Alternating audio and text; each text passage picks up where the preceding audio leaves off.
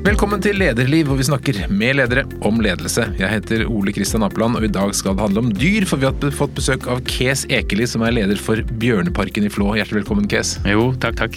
Du har jo vært leder for Bjørneparken nå i fem og et halvt år. Og Ja. så var du på Akvariet i Bergen før, og så er du zoolog i utgangspunktet. Det Har- stemmer. Har det vært et bra år for Bjørneparken?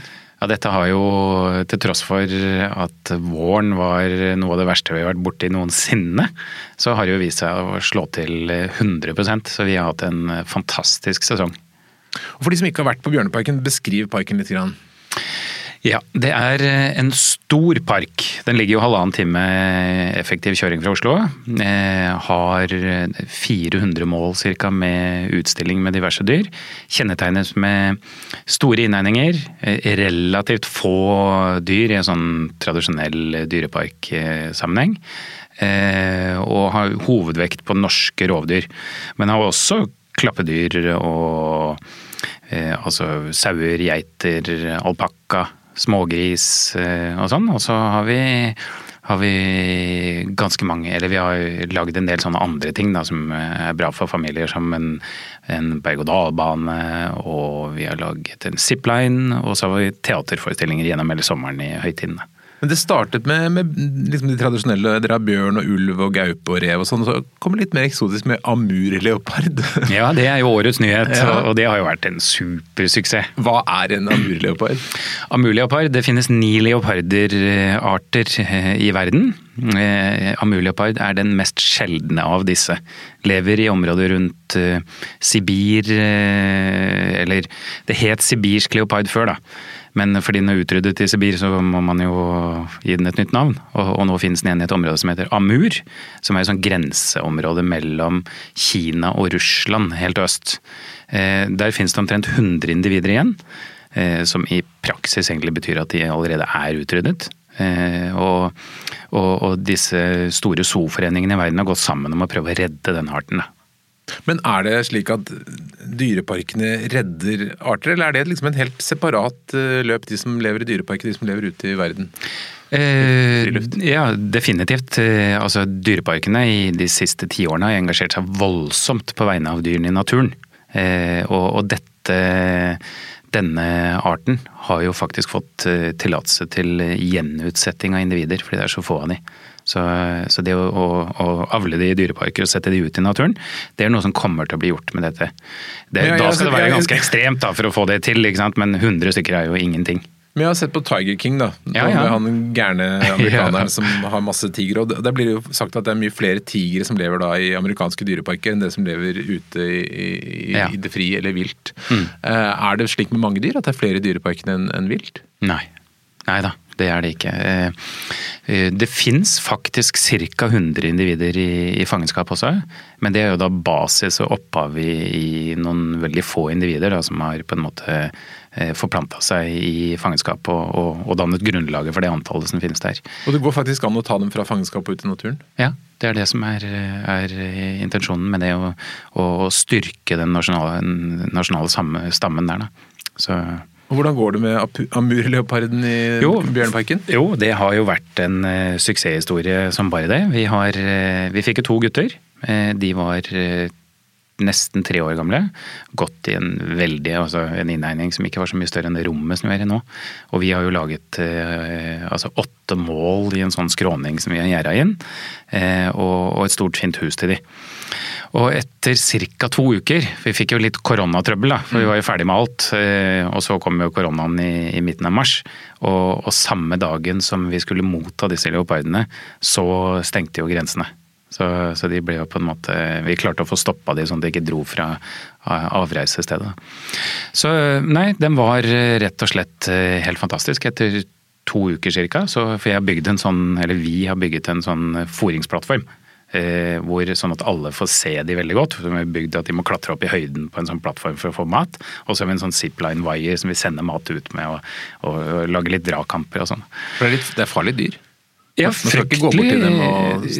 Fryktelig farlig. Altså, utvilsomt eh, de farligste dyrene vi har. Eh, bjørner, der eh, spekulerer vi litt i sånn ok, hva vil skje dersom, på en måte. Altså Enten at man kommer inn i en innegning hvor det er en bjørn, eller at bjørnen kommer seg ut, hva vil skje da? Og alle scenarioene der er jo ikke dødelige, mens, mens det er det her. Dette er, de tar deg. Så det er et eh, stort ansvar? Ja, det er det. Så det er klart at eh, det å Jeg har ansatt en ny HMS-mann før disse kom på plass, eh, i tillegg til å, å hentet inn en ansatt med kompetanse på store kattedyr. For det er jo stort sett det ting handler om, det er å vite hva du holder på med. Men i tillegg til da de dyrene, så har du elg, hjort og reinsdyr, så har du alpakka, geiter, sauer og de, de klappedyrene som du har, skilpadder. Og så har du satset på krokodiller og slanger. Er det også noe som eh, For det, var, det er også ganske nytt? Ja, da fikk vi skikkelig kjeft i Hallingdal. Vi åpna jo Jeg begynte jo, eller vi tok over den parken i 2015. Og så er det jo klart at eh, besøkspotensialet for eh, bjørn og gaupe og klappedyr det kjente man jo. Man hadde drevet denne parken i mange år, og det lå på rundt 45 000 cirka, som de hadde årlige besøkende. Eh, og, det er klart at, eh, at, når det gjelder reptiler og krokodiller og sånn, så er jo det noe som er en del av alle barns oppvekst. også i Norge. Vi leser bøker om de, og vi ser det på barne-TV og, og, har et forhold på en måte til disse reptilene. og, og, og da valgte vi å har, eller I tillegg da, så var det jo voldsomme arealer der oppe, så jeg hadde jo en hall på 500 kvadratmeter. Så det var en, en utstilling med stein inni. eh, og, og, steiner er ikke særlig attraktivt for barnefamilier. Så da tenkte jeg at det er mye bedre med krokodiller og slanger, og bygde en kul utstilling der. Og hvordan gjør man, altså finnes det da, Har dere et slags indre marked mellom dyreparker hvor dere kjøper og selger dyr? da? Mm. Det er faktisk eh, egentlig veldig bra ordning, eh, fordi at handel med, med, dyr er en av verdens Altså ulovlig handel med dyr er en av verdens største økonomier. Eh, og, eh, og derfor så har alle dyreparker har samarbeider om å aldri kjøpe eller selge dyr. Sånn at, at vi, vi får alle dyrene. Eh, og, og, på en måte har en sånn byttehandel oss eh, SOE imellom. Da. Så det er ikke så. sånn at du må liksom eh, by på dyr? Nei da, nei. Betaler ingenting. Så, så, det er en fantastisk ordning. Har du levert mye fra deg også? Ja, egentlig. Vi har levert fra oss bjørner. Han Brutus som vi fikk ble født i 2015, han går nå i, i skandinavisk dyrepark i, i Sverige.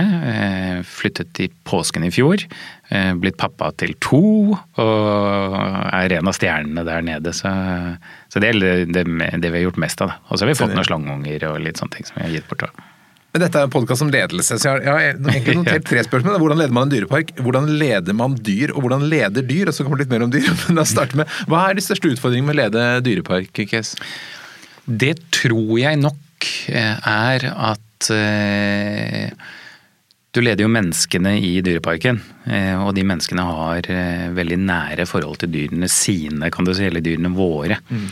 Og det betyr at de, de får de, de, de, de, svarer til dyrene til enhver tid hele tiden nå. Sånn at, eh, at eh, det å gjøre ting må alltid balansere i forhold til hva de ansatte mener omkring dyrenes eh, ve og vel. Så du konkurrerer litt med dyrene som, ja, som leder nærmest? Ja, det er ikke bare jeg som er sjefen. det er en spesiell situasjon. Og den, den staben din den består vel av Det er en del faste, og så er det en del sånn sesongarbeidere som dukker opp også? Mm -hmm. Hvor mange er dere? Um, vi er tolv og en halv fast gjennom hele året. Eh, og nå snakker vi bare om, mm. selve dyreparken.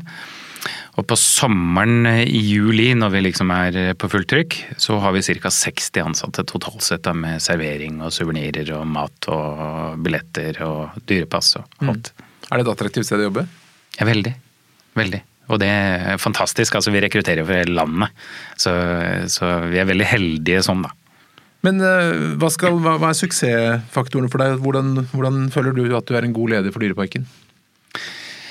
Ja, det er vel på en måte den balansen i forhold til å ivareta ansatte. Utvikle parken, eh, ikke minst. Altså generere aktivitet og, og, og opplevelser eh, som gjør at folk ønsker å komme på besøk, som igjen betaler lønnen til ansatte og mat til dyrene. Så det er eh, Det er nok det å, å hele tiden ha den derre driven i forhold til å gjøre nye ting. Eh, og på en måte selvfølgelig treffe med at dette er noe som folk faktisk liker. Da. Mm. Så, så, det er nok det viktigste. Men dette forholdet da mellom de, de ansatte og dyrene, det, det, er viktig at man er dedikert til noen, noen dyr? Ja, jeg, jeg ser jo at altså det er generelt mye bråk i dyreparker på ledelsesfronten. Eh, og, og, og, det skyldes nok akkurat det. altså at, det, at de ansatte har eh, veldig mye meninger. Og, ikke sant, De er fryktelig glad i dyrene sine eh, og, og, vil kjempe for de med nebb og klør. Det er ikke det for din skyld, det er for dyrenes skyld? Nei, ja, ja, ja det, er, det, er, helt klart. Så Det er jo liksom hovedmotivasjonen til å jobbe der. Hvilke dyr er det mest kamp om å få lov å jobbe med? Rovdyr. Ja. ja det, den kom fort. så vi har, det er et litt sånn hierarki, da. Mm. Eh, og, og, rovdyrene er jo på topp, og i akkurat for øyeblikket så er det jo leopardene som er på topp. Og for to år siden var det ulvene som var på topp. Og, så, det er det folk Men man kan jo ikke kose med leoparden? Nei, men, men det er klart at eh, eh vi mater det jo inn i det nye leopardhuset som vi har. Eh, og, og, det å på en måte rope på en leopard, og så kommer den mot deg, og, og de har jo et kroppsspråk og noen lyder på en måte som, som du kjenner godt i urmennesket i deg, for å si det sånn. Eh, og det er noe magisk med det, altså. Så, så eh, det å jobbe med leopardene for øyeblikket er det folk vil mest. Men du nevnte HMS. altså Det er jo øh, en utfordring, for det er jo spennende å på en måte ha interaksjon med dyrene, og jeg vet at man kan gå mm. inn til bjørnene og litt sånne ting, men samtidig så er det veldig farlig. Hvordan klarer du å styre den balansen og sørge for at folk holder seg på, en, på den trygge siden? Ja, det er hovedsakelig fysiske hindre, da. Altså, som gjør at, eh, at folk eh, ikke kommer i en situasjon hvor de bare vandrer rundt og så plutselig er de på innsiden av et gjerde. Liksom. Det, det, så det, det, er hovedsakelig fysiske ting. Og, og strømbruk og sånn, da som stort sett er på dyresiden av gjerdene. Mm. Eh, men, eh, men vi har jo på en måte tenkt at hvis folk Det påligger jo på en måte noe ansvar til folk også. Så, så hvis Det er jo teoretisk mulig å hoppe inn i en innhegning f.eks. Det er faktisk vanskelig hos leopardene, for der er gjerne 5,5 meter høye. Men andre steder så, så er det jo det. Og, og, det går det ikke an å beskytte seg mot, på en måte. Så vi har satt noen grenser for, for hva som er normalt, og, og, og, hvilke på en måte ting som vi, det ikke går an å planlegge for. Da. Mm. Hvilke krav stiller du til folk som skal jobbe hos deg? Vi har, vi har en slags todelt eh, jobb. Det ene er jo dette opp mot service og, og, og formidling, ikke sant. Så, så, det er jo eh, vi, vi trenger en stab med veldig utadvendte mennesker som får energi av å vise seg frem for seg og dyrene sine frem for andre. Eh, og så er det sånn at du kan, Hvis du har en bedrift som bare har sånne folk, så har du en sånn ADHD-bedrift. ikke sant? Mm. Så, og, og, det er litt slitsomt både for de som jobber der, og, og ikke minst for meg. Eh, så du trenger også på en måte litt den der eh, sammensetningen med litt roligere folk på en måte som, som jobber jevnt og trutt og er litt mer sånn eh, arbeidsmaskiner. da. Så, så, det er den balansen der vi søker etter. Men det er klart at på sommeren så, så vi, vi, lever jo av at du og din familie har eh, et supert opphold. Eh, og, tenker, og at barna dine tenker at fy faderen, sånn har jeg lyst til å bli når jeg blir stor. Mm. Jo, så, så, vi trenger den typen mennesker. Det er viktig for oss. Men er det, kreves det at alle er zoologer eller for det?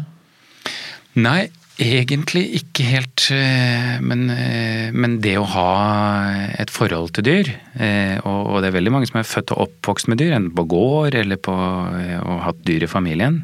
Så, så erfaring med dyr, det, det, det trenger vi. Men på når vi ansetter folk, så, så har de en, en, relevant utdannelse. Så vi har jo for øyeblikket to med mastergrad, én med, med bachelor. Eh, og så har vi flere utdannede dyrepleiere. Mm. Så, så, vi har vel egentlig ingen som ikke har en utdannelse som er fast ansatt. Hvordan ønsker du å være som leder for disse medarbeiderne? Ja, inspirerende, det er, er, helt sikkert at jeg ønsker å være. Eh, motiverende. Eh, og så det å være forutsigbar, det er nok en av de tingene som jeg eh, prøver mye å være. Sånn at de vet at eh, at det er ikke sånn at de kan komme til meg og spørre spørsmål én dag, og så får de et annet svar på det samme spørsmålet dagen etter, liksom. Så, så, så det er nok det som er det viktigste, og, på en måte være rettferdig også. Mm. Det, det, tror jeg er de hovedtingene jeg prøver på. Er du sånn som kjenner alle kriker og kroker og kjenner alle dyr og kjenner alt i, i parken? Ja. Eh, jeg er nok eh, Jeg kan nok eh, Altså, du kan si i forhold til produktet som leveres til Jeg er jo litt sånn annerledes eh, kanskje biolog, fordi jeg er jo like opptatt av mennesker som jeg er av dyr. Sånn at, eh, at den siden som går på hva slags opplevelse man leverer til gjestene, eh, den er jeg veldig veldig opptatt av. Og det gjelder fra du parkerer bilen din til på en måte du kjører vekk fra bilen din, og alt som har skjedd i løpet av den dagen hvor du møter på en måte opplevelser som vi leverer. Da. Så jeg er nok eh, jeg vet jo f.eks. at eh, altså, vi, før sesongen så, så, ser jeg alle fòringene våre og, og tar en samtale med alle et, i etterkant om mm. eh, hva som var bra og hva som vi må, må justere litt på for å få enda bedre. Så, så jeg, de vet at jeg jeg kan jo se det på de, så jeg mm. prøver liksom noen ganger å holde meg litt unna. Men, men eh, de tenker nok at faen, søren, nå er det cast her igjen. Hvilke dyr liker du aller best? Ja, det kan du si. Eh, av våre dyr. Ja, hvilken, hvilken, har du et favorittdyr i parken? Ja, For øyeblikket så er det jo leoparder. Ja. Altså det er det, er det men, men, jeg er der hvor jeg er til enhver tid, jeg. Så til neste år så blir det sikkert dinosaurer. Mm. Ja, for det skal vi snakke om. Men, men, men altså ledelse du, Vi leder Du leder mennesker. Men du, du leder jo også dyr. altså I hvilken grad kan du påvirke og styre dyr? Du kan gjøre det veldig. Eh, når jeg begynte i den parken i 2015, så, så, så går jeg jo inn og lærer meg alt i hele bedriften. Eh, og en av de tingene som, eh, som jeg så på da, var at altså, de snakket ikke med dyrene, de som jobbet der. og så sier jeg men dere må jo snakke til dyrene og si hei og hvordan går det med deg i dag og, og sånne ting. Det, det dere gjør da, er jo å gi dyrene informasjon om deg selv og hvilket humør du er i dagsformen din, og så kan de få lese det og skape en trygghet. Eh, så, så det å lede dyr handler jo egentlig veldig mye om det samme som jeg sa faktisk før, som er å gi den forutsigbarheten, rammene, rutinene, og, og, og gjennom det på en måte trygghet da, til å gjøre det. Eh, for eksempel så er det jo vi har jo ulver som kommer på hver eneste fòring ned fra altså det, er Det er jo 30 mål nesten, den innhegningen. Og de møter opp klokka ett hver dag for å få mat, så alle får sett de. Eh, og, og, det er fordi de, de, har den tryggheten i seg om at, eh, at vi, her kan vi komme ned, enda det er liksom 1000 mennesker som ser på det. ikke sant? Og likevel så føler de seg trygge at de kontrollerer sitt miljø. Og, og, og, det er nok en ting som jeg tror gjelder for mennesker òg. Og det å på en måte føle å være i kontroll over egen hverdag og er nok en viktig faktor for trivsel også på jobb. Så, du, vet, vet, vet ulvene f.eks. at det er du som er sjefen i parken? Nei, det Nei. tror jeg ikke. Men de vet at det er passerne ja, som er sjefen? Ja, og så tror jeg sånn som med bjørnene. så I begynnelsen så var det jeg som jobbet mest med bjørnene ikke sant? det mm. første året. Eh, all trening og sånne ting var det jeg som gjorde. Men nå er det jo andre som gjør det, så, så, så jeg står nok ikke øverst på, på, lista til noen av dyrene lenger, da. Det. Men, men det, altså, det, er mange som leder dyr, du har jo bjørnene og sånne ting, men det er mange av oss andre som har hunder og andre ting. Hva, hva er det viktigste grepet for å være en, en god leder for et dyr? Jeg tror det er trygghet, forutsigbarhet og, og, og rutiner. Eh, det, det, er jeg ganske sikker på er det viktigste. Og, og igjen, når du sier dyr, da, så må du jo dele det litt inn. Eh, også hos oss. For det er klart at eh, dyr som er sosiale og lever i flokk, er helt annerledes enn dyr som lever individuelt og, og singulært. Da. Så, så flokkdyr må man oppføre seg helt annerledes mot enn enn f.eks. leoparder som lever stort sett alene. Så hvordan bør man være mot flokkdyr, da? Hunder er vel flokkdyr, er det ikke det? Jo, hunder er veldig flokkdyr, og de, de, vil jo på en måte Og de er jo også laget og, og, og drettet opp for å og, og, avlet for å liksom inkludere mennesket inn i flokken. Mm. Så der vil det jo på en måte være en, en, en, en del av flokken, da. Så, så, det må jo på en måte man legge opp til. Mens for Du kan si Eh, for flokkdyr så kan det være noe i det, eh, interaksjon med mennesker. Mm. Ikke sant? Mens det er det ikke for de som lever eh, alene. Så, så den leoparden, den, det er ingenting i det for den at du er der. Altså, no way! Men du kommer med maten, ok, det er greit, han aksepterer det. Så lager du en sånn byttehandel. Ok, du, hvis du gjør det, så, så, kan du få dette av meg. Ja, ok, deal, greit. Og, og da må det foregå på denne den måten. Og hvis du lager noe tull med de rutinene, så blir de fly forbanna. Og en forbanna leopard, det bråker fælt, og de gjør mye rart. Så, så, du vil på en måte bruke mye tid på å lage denne verden veldig forutsigbar. Men hvordan er det med vanlig huskatt, da? Ligger den litt imellom leopard og hund her, eller? Ja, det gjør den. Den er selvfølgelig underlagt masse avl, den òg. Mm. Men, men, noe av det samme som en leopard. Det, det, er mye likere en leopard enn det er en hund, f.eks. Så, altså sikkert altså, nesten helt på leopardnivå. Ja, for de aksepterer deg, men det er ikke så veldig Nei, nei, nei. nei da. Det er ikke favorittdyret mitt sånn huskatt, men, men, du ser jo også da, særlig blant flokkdyrene, da, at der er det jo der er det også ledere. Eh, hvordan, hvordan, leder dyr hverandre? Eller hvordan leder en leder blant dyr? Jo, det er jo i stor grad gjennom dominans, da. Eh, og, og, markering, på en måte. Sånn at de og, og, det vil jo på en måte si at det å ha stor kroppsstørrelse er, og riktig aggresjonsnivå eh, vil, vil, være sentralt i forhold til den type dyr. da. Og du har jo ekstremiteter òg. Du har eh, sånn som f.eks. Eh, de der sjøelefantene, hvis du har sett det. Der ligger jo han der kjempeelefanten, jeg tror han veier to tonn eller et eller annet sånt, og passer på opptil 800, kanskje 1000 damer. ikke sant? Og hvis det kommer da en inntrenger inn, som, som, tror at i år er mitt år, ikke sant? så får du jo noen basketak som ender med enten døden eller at den andre altså, Det er på en måte eh, Gevinsten ved å vinne den kampen er enorm. Så, så, så, det er ekstremiteten. Men det er litt det samme, egentlig. Bare ikke fullt så ekstremt selv hos elg og, og alt. da. Men sånn som blant ulvene dine, er det alltid den største og sterkeste som er sjefen? I hvert fall den flinkeste, men ja. Eh, om det nødvendigvis må være Du er liten og smart, liksom? Må... Ja da, det, det, har med det å gjøre òg. Ja. Ja. Og, og, jeg husker sånn som med ulvene, så vi hadde jo tre ulver, og vi brukte ti dager på å få de til å komme til fòringen. Mm. Eh, og, og, første gangen vi så én, så tenkte vi at det var jo sikkert sjefen, men det var jo ikke det. Han var jo utskremt av han som egentlig var sjefen, som sendte han for å si går det bra med han, eller som fotsoldat, liksom. Går det bra med han der? For da kan jeg komme etterpå. Så. Hvordan signaliserer de til hverandre? Ulver mm. har enormt eh, kroppsspråk. Altså eh, sånn som? Du kan jo lese din hund eh, hvis du har en hund. Om han har det bra, eller om han er redd, eller altså, du ser på haleføring og alt mulig sånn.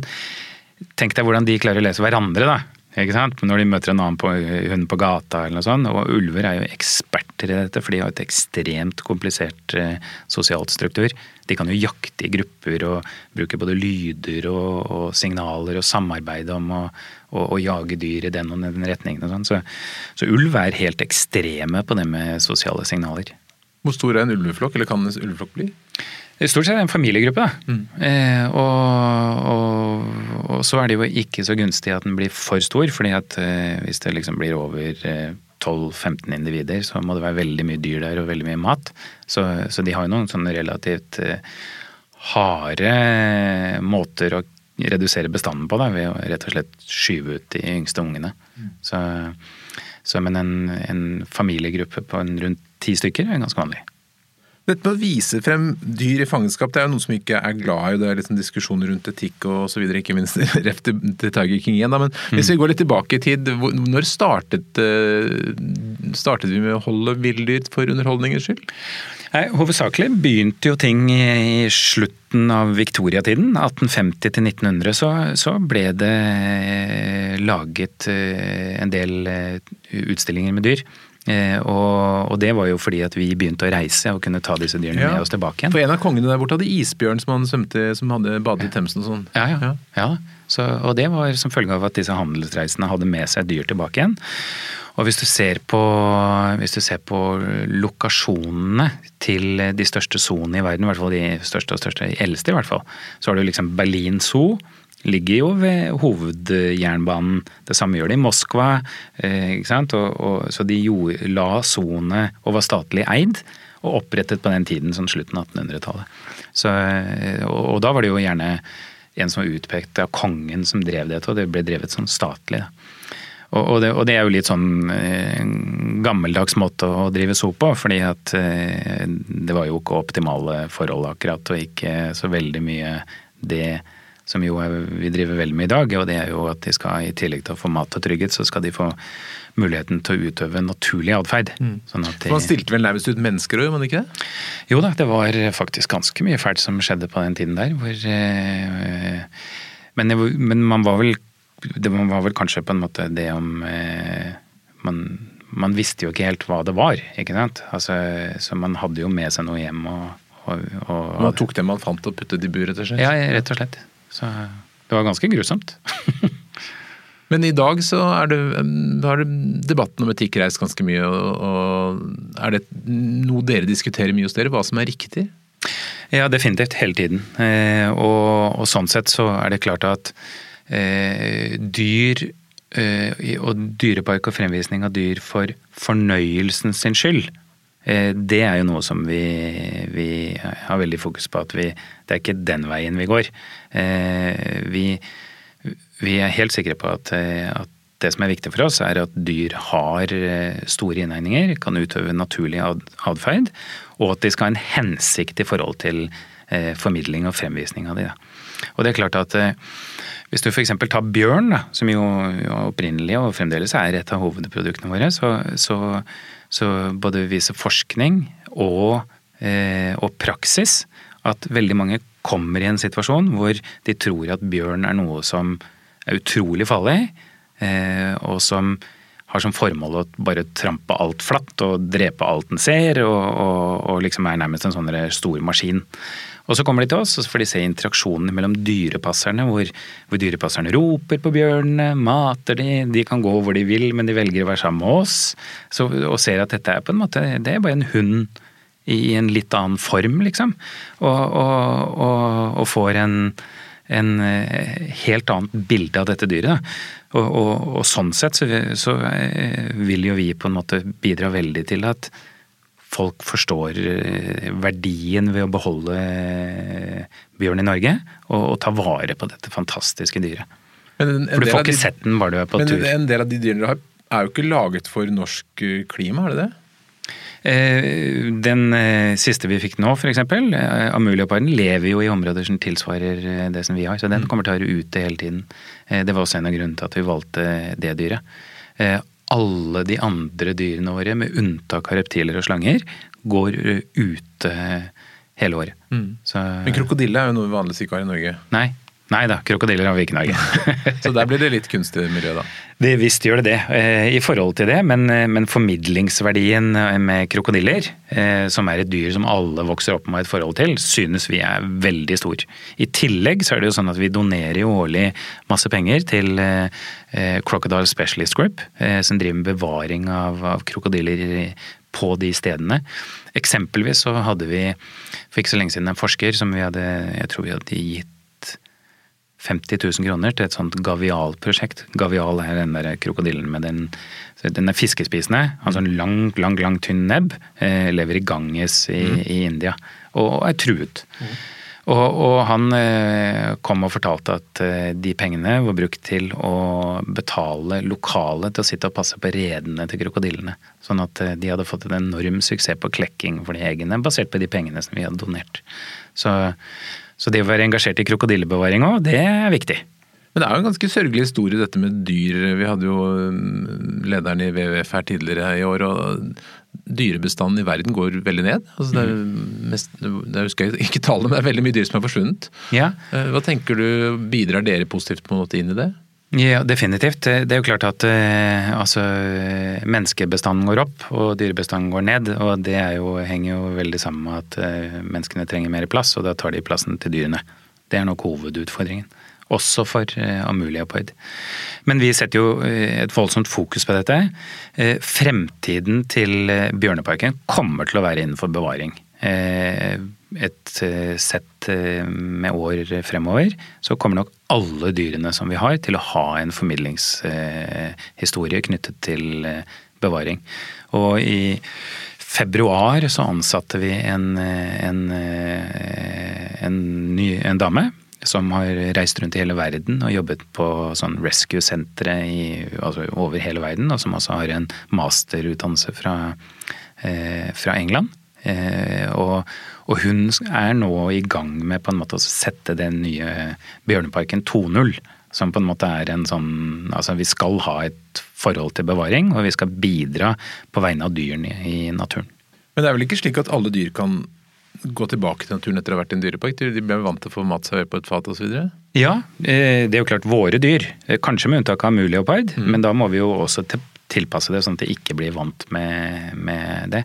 Men ingen av våre dyr bortsett fra tundyrene, da, mm. sauene og geitene og alpakkaene og sånn, kunne vært sluppet ut eh, i, i, naturen igjen og, og, klart seg bra.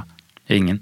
Så, så de er, dette er på en måte våre dyr som, mm. som er vant til sin hverdag. Så de vil alltid være, altså de som er født i dyrepark, vil alltid måtte leve i dyrepark? Ja, med noen unntak. da. Mm. F.eks. dette prosjektet med Amuleopard. Eh, da vil eh, det være sånn at, eh, at de ungene må kunne gå uten å være i kontakt med besøkende, f.eks. Mm. Sånn at man kan se det gjennom vinduer og, og sånne ting. Mm. Når du ser uh, dine medarbeidere og andre medarbeidere og oss mennesker, og du ser dyr, altså er, det, er det store likheter mellom mennesker og dyr måten vi følger ledere på? Ledende spørsmål, det her. Ja. det, altså, det, er jo helt klart. Eh, Min, er vi dyr? Ja, det er et, et krystallklart eh, ja. Vi Mennesker er forskjellige forskjellig fra de andre dyrene, men en rev er også forskjellig fra en elg. Eh, og, eh, og, og, og mekanismene som gjelder i naturen, er jo også 100 gjeldende for oss. Men, men, igjen, som jeg sa i forhold til det med sosiale dyr kontra solitære dyr, så, så er jo mennesket en ekstrem Eh, sosialt dyrt, dyr, som betyr at det får noen ekstreme kvaliteter eh, i forhold til eh, sosial atferd og, og, sånne ting. Så, men at vi er dyr, det, det vil jeg si Når er det du særlig tenker det? Ja, det kan du si. Det, nei, det, det tenker jeg nok hele tiden. Men ja, ja det, er ikke, det er ikke noen ganger jeg ikke tenker at vi ikke er det, for å si det sånn. Mm. Vi snakker litt om fortiden. Hva blir fremtiden for, for dyreparker og for Bjørnparken? Du ser en sånn veldig klar trend. Eh, først og fremst eh, så er det jo en veldig bevegelse blant folk. Eh, flere og flere blir vegetarianere og på en måte får et forhold til at dyr i naturen skal ha det bra. Og også ikke minst til en viss grad imot eh, kommersiell eh, kjøttoppdrett. Da, mm. Som til en viss grad det er selv òg. Eh, og eh, det å, å, å, å, forvente hva som skjer i fremtiden, vil jo være at den trenden forsterkes. Eh, men det er også sånn at en trend er at vi urbaniseres enda mer. Eh, og, og bor tettere og tettere i byer. Og, og, vi må være der på vegne av dyrene, naturen, eh, og, og, vise hvordan, hva som er utenfor der hvor du bor, mm. og hva som trengs for å ta, for, fortsette å ta vare på disse. Men Tror du det blir vanskelig for aksept for å ha dyr i fangenskap?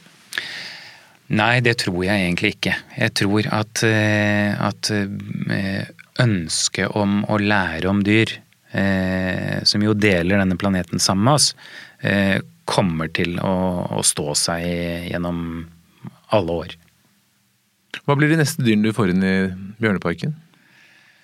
Ja, eh, På sikt så vil det jo være dyr knyttet til en bevaringshistorie som vi kan arbeide for i bedre forhold i naturen.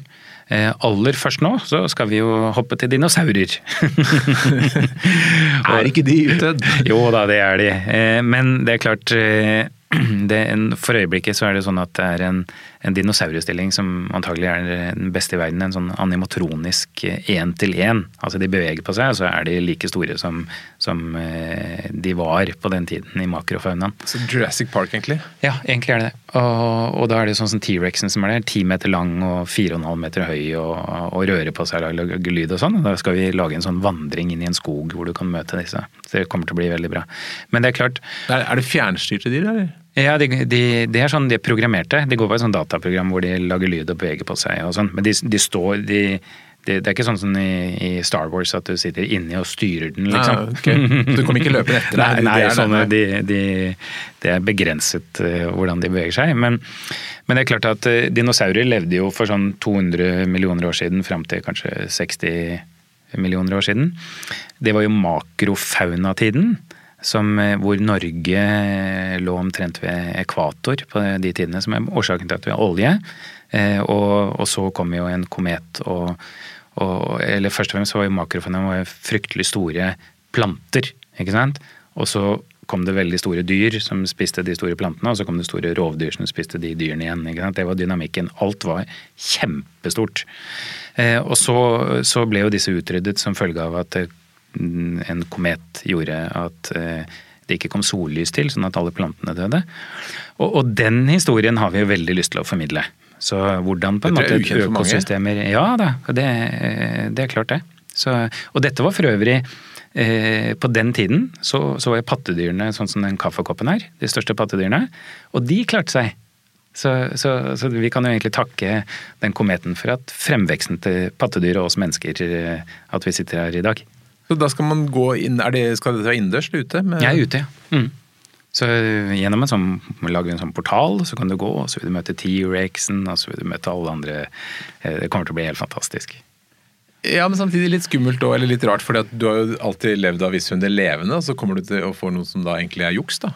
Ja, nei, jeg har lagd masse utstillinger, sånn som det før jeg. Mm. Eh, så, så, så, dette eh, er noe som jeg gleder meg til, faktisk. Du føler ikke at det går på kant med kjernen i Dyrepark? Nei, overhodet ikke. Det er klart at det, hvis vi eh, Jeg tror også at fremtiden kommer til å bli mye mer eh, digital eh, i forhold til og, og, mekanisk i forhold til å, å vise fram de fantastiske egenskapene til dyrene.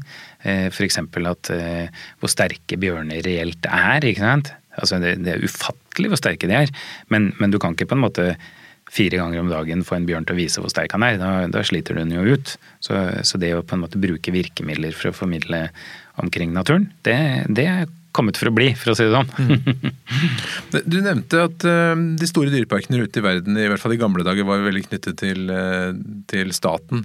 Mm. I Norge så har vi jo ikke noen offentlig dyrepark. Altså, vi har et museum i Oslo som jo er ikke så veldig levende. Mm. Burde ikke noen universiteter og, og, og, utdanningsinstitusjoner hatt noe av den rollen som du har? Jo, jeg vil jo en, en ting som er godt poeng i det du spør om. Eh, det er at budsjettene knyttet til kulturformidling er veldig veldig mye høyere enn eh, naturformidling. Naturformidling er vel hovedsakelig knyttet til de, noen museer som er underlagt universitetene. Eh, ellers så er det jo i hovedsak privatreiste midler som har generert det vi har av naturformidling i Norge. Hvorfor er det så, sånn? Nei, jeg tror altså det er kanskje ikke så godt å si, men jeg vet i hvert fall for noen år siden så var det veldig få med naturvitenskapelig bakgrunn på, på Stortinget. Altså det var hovedsakelig kulturbakgrunn på, på, de. Og det har jo kanskje noe med at eh, hvis du er kulturhistorisk eh, eller interessert og utdannet, så har du sterkere relasjoner til andre mennesker og, og mer lyst til å bidra på det området enn, enn sånne som driver med fisking og, og naturformidling. Så, så vi har nok eh, Biologer har nok ikke vært så gode til å være politiske. Vi har vært mer opptatt av å jobbe. Mm -hmm. Du nevnte at uh, vi blir mer byfolk og har mindre forhold til dyr. Hva er, det, hva er det rareste folk blir overrasket over når de kommer og, og ser levende dyr? Ja, det er Det som jeg blir overrasket over, er at folk tror f.eks. at de kan klappe bjørnene. Eh, det skjer flere ganger om dagen hver eneste sommer at folk sier at de har lyst til å klappe bjørnene. Og, og da for meg så er du Du er liksom så innmari langt unna eh, å forstå hva slags dyr et bjørn er.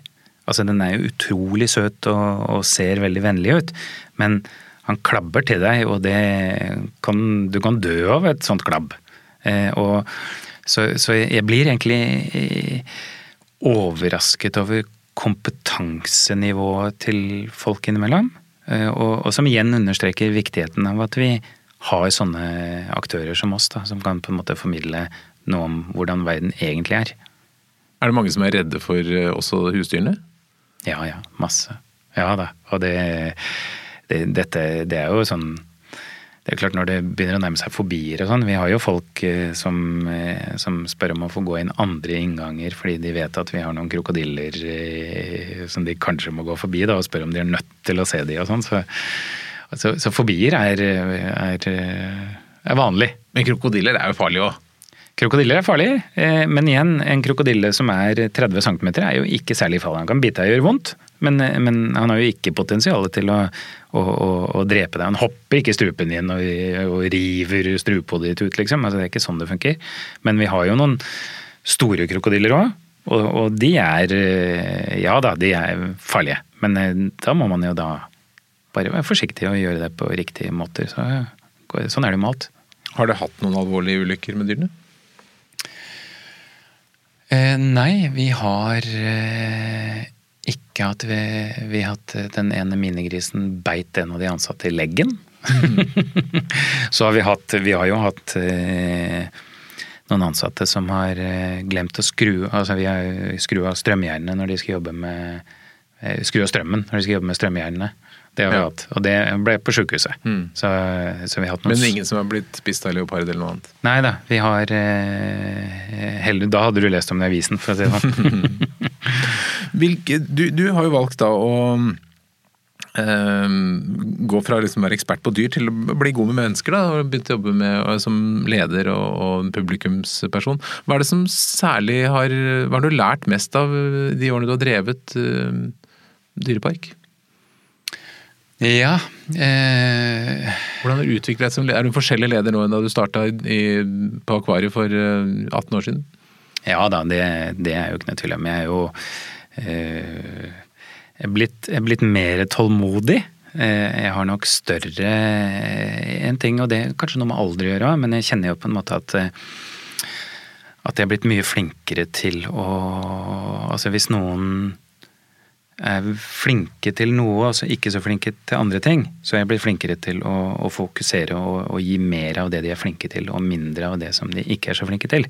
Eh, så, og, så, så, og så kommer man på en måte sikkert til noen sånne selverkjennelser omkring at, at man ikke alltid er på sitt beste i noen situasjoner. Og, og da har jeg brukt ganske mye tid på å og, og, respondere annerledes eh, på, på, den type situasjoner. Når jeg vet at ok, det der liker jeg ikke, det gjør meg irritert. Mm. Og, og, hvis jeg blir irritert, så, så, så, Da er jeg ikke på mitt beste. Så da har jeg fått noen mekanismer som gjør at jeg ikke blir så irritert. Mm. Er det noen opplevelser som spesielt har formet deg som leder?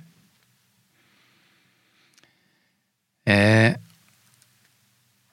ja, det, ja, det var jo litt trøbbel i Bergen på slutten. 13 eh, år der borte i et høyt tempo var ganske mye. Eh, det har nok helt sikkert gjort at jeg har eh, Du må utdype litt trøbbel hva det er for noe? Ja, nei det var det, det, ble en del trøbbel med de ansatte. Vi hadde vært Når jeg startet så, så var det 176 000 besøkende, og på de beste årene så var vi oppe i 320 000 besøkende. Og så gikk det jo litt ned igjen, for vi hadde en sånn TV-serie som fulgte oss ut og inn. Og, og, og, konsekvensen av det er jo noe dårligere økonomi igjen, og justere stab og sånn. Og det ble egentlig generelt litt sånn mistrivsel der borte, med resultat av at, at de ansatte jeg egentlig vendte seg litt mot meg, og, og, og mente at, de, at det skulle bli drevet videre på en bedre måte uten meg. Da. Og jeg valgte å slutte i den situasjonen. og, og begynte å jobbe i Bjørneparken. Mm. Hva lærte du av den situasjonen? Eh, jeg lærte at, eh, altså, at jeg er litt naiv. Eh, og, og, at det Naivitet er en Jeg syns fremdeles det er en bra ting. Og jeg har tenkt å fortsette å være litt naiv. Men, men, eh, men man bør jo på en måte sikkert eh, eh ikke være det til enhver tid. Eh, og så lærte jeg at at det å ta vare på de ansatte er en kontinuerlig jobb. som på en måte man aldri kan slippe. Det er på samme måte som å Det nytter ikke bare å pushe besøkstall. Man, man, er nødt til å ha de ansatte med på laget hele tiden. Mm. Og, og, og, en dag uten er ikke godt nok.